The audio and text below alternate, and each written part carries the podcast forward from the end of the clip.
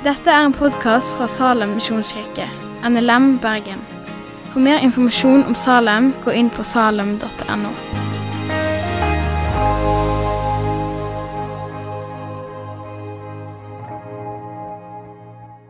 Søndagens tekst, eh, som er fra Johannes kapittel 10, vers 11 til og med 18.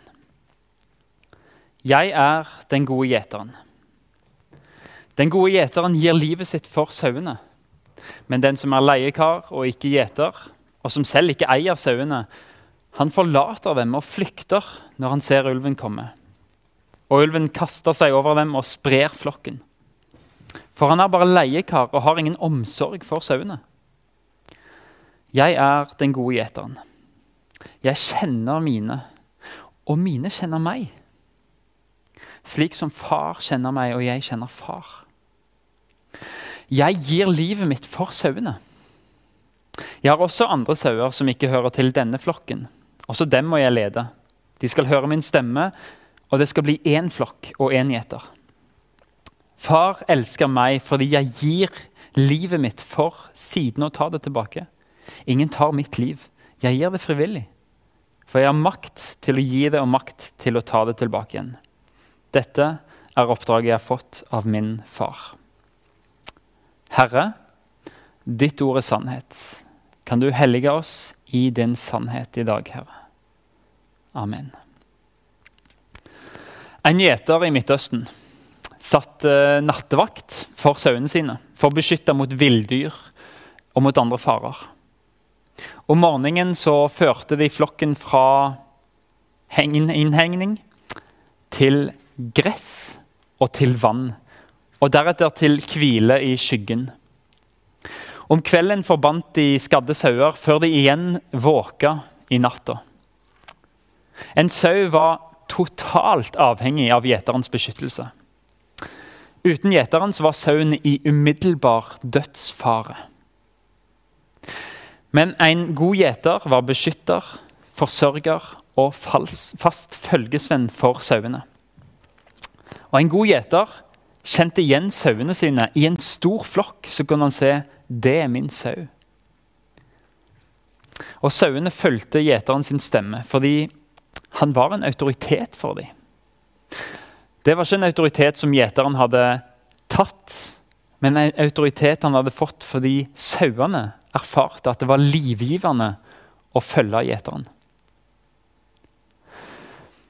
De som driver med sau, de gjør det jo for å ha en inntekt og for å få mat. Iallfall på Jesu tid. Sauen var et levebrød for gjeteren.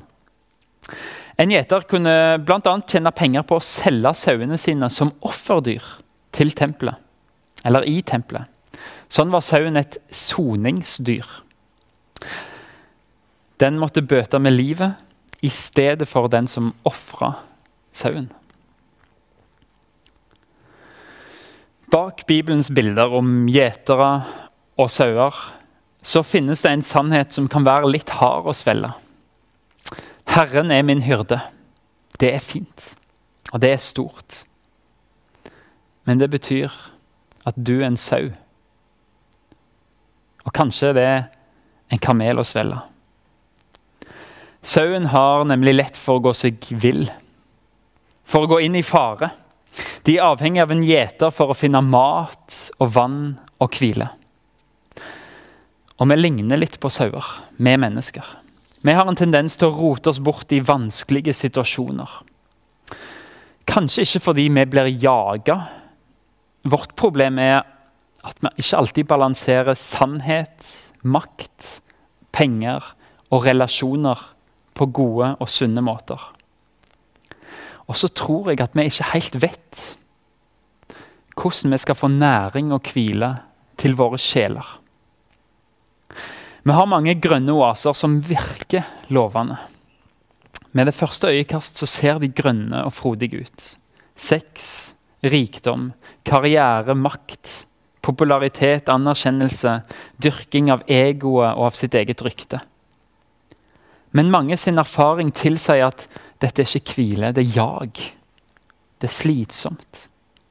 Det vi trodde var næring for sjelen, det gjorde oss bare mer sultne etter svaret på spørsmålet hvorfor er vi her egentlig? Rikdommen den var ikke så tilfredsstillende som du hadde lova deg sjøl at den var. Det virker som om vi trenger en gjeter som kan lede oss til mat og hvile for våre sjeler. Og For at det skal være sann hvile, så må det være en gjeter som har en kjærlighet til oss som ikke er grunnfesta i våre prestasjoner. For da blir det igjen et jag. La meg fortsette med noen dårlige nyheter. At det finnes en god gjeter, det betyr at det finnes dårlige gjetere. Hvis ikke så kunne Jesus sagt 'jeg er gjeteren'. Men Jesus definerte seg selv som god, i motsetning til ufullkommen. Det finnes flere godhjerter, men dårlige gjetere. Jesus snakker om leiekarer i teksten vår. De som var ansatt hos gjeteren for å passe på sauene når han måtte hvile. kanskje. Jesus har innsatt gjetere òg for sin flokk, for kirka. Og Peter, som var en av de første ansatte gjeterne hos Jesus, han beskriver Jesus som overhyrden, for Jesus eier flokken. Men han har satt inn pastorer, ledere, prester og andre under seg sjøl for å ta vare på flokken. Med det bildet så håper jeg at du som er skuffa over menighet og over kristent fellesskap, lærer noe eller innser noe. Det er ikke sikkert at det er Jesus du er skuffa over. Men det kan være hans leiekarer du er skuffa over. Pastorer, kristne ledere, en sjelesørger, en som du stolte på. Kanskje meg. Kristne ledere er nemlig òg sauer. Vi har så fort gjort for å gå oss vill, vi òg. For å bli fanga av makt, penger, begjær. Vi trenger òg en gjeter som leder oss til hvile andre plasser enn anerkjennelse og innflytelse. Det er ikke før vi som kristne ledere finner hvilen Jesus gir oss, at vi er i stand til å gi den videre. Til å vise andre her er hvilen. Jesu omsorg skal finnes hos kristne ledere. Men vi er ikke fullkomne. Derfor ender det av og til opp med at kristne ledere forlater eller svikter sauene. De vil flykte bort fra det som kan virke farlig eller fremmed. Vi tar ofte feil. Vi òg må leve i omvendelse som alle andre mennesker. Jesus kaller seg den gode gjeter fordi han er fullkommen. Og hans budskap til deg, du som har vonde erfaringer med kirke, og du som har fordommer mot kristne, hans budskap til deg er 'Jeg er den gode gjeter'. Jesus har en helt spesiell omsorg for deg fordi du tilhører han. Når jeg var liten, så hørte jeg en historie bli fortalt. En liten gutt lagde seg en båt som han var veldig stolt av, og lekte med han. Og En dag han hadde han på elva, så tok strømmen han, og båten fløyt av gårde. Og gutten var trist og lei seg og savna båten. Men en stund etter så går han forbi en butikk på gata der han ser båten sin være stilt ut i vinduet til salg. Og Så går han inn og kjøper båten. Og Når han kommer ut av butikken, så knuger han den båten inn i favnen sin så sier han, nå har jeg lagd deg, og nå har jeg kjøpt deg. Nå er du vel min. Sånn er det med Jesus og deg òg. Jesus skapte deg. Men han mista deg fordi vi vandra bort fra han og søkte hvile andre plasser. Men på langfredag så kjøpte han deg fri fra det slaveriet og jaget etter hvile. Han kjøpte deg fri med sitt eget blod. Selv om du ennå var en synder. Han skapte deg, han kjøpte deg, og han vil så inderlig kalle deg sin. Han kom til deg som var fanga i en snare, og så løfta han deg opp over skuldrene og bar deg i trygghet, som en gjeter bærer sauen sin. I Esekiel 34 så leser vi om den gode hyrden. Og I utvalgte vers der så står det Så sier Herren Gud, Se, jeg vil selv lete etter sauene mine og ta meg av dem. På gode beitemarker skal jeg gjete dem. De skal ha engene sine på Israels høye fjell. Der skal de hvile i frodige enger. De skal gå på saftige beiter på fjellene i Israel. Jeg vil gjete sauene mine og la dem hvile, sier Herren Gud. Jeg vil lete opp de bortkomne, føre tilbake de fordrevne, forbinde de skadde, styrke de syke, vokte de fete og sterke og gjete dem på rett vis. Dere er sauene mine, flokken som jeg gjeter. Dere er mennesker, jeg er deres Gud, sier Herren Gud. I tillegg til denne omsorgen så er det to andre ting som definerer Jesus som en fullkommen gjeter. Den andre tingen er at han gir sitt liv for sine sauer. Det er et veldig rart utsagn Jesus sier når han sier det.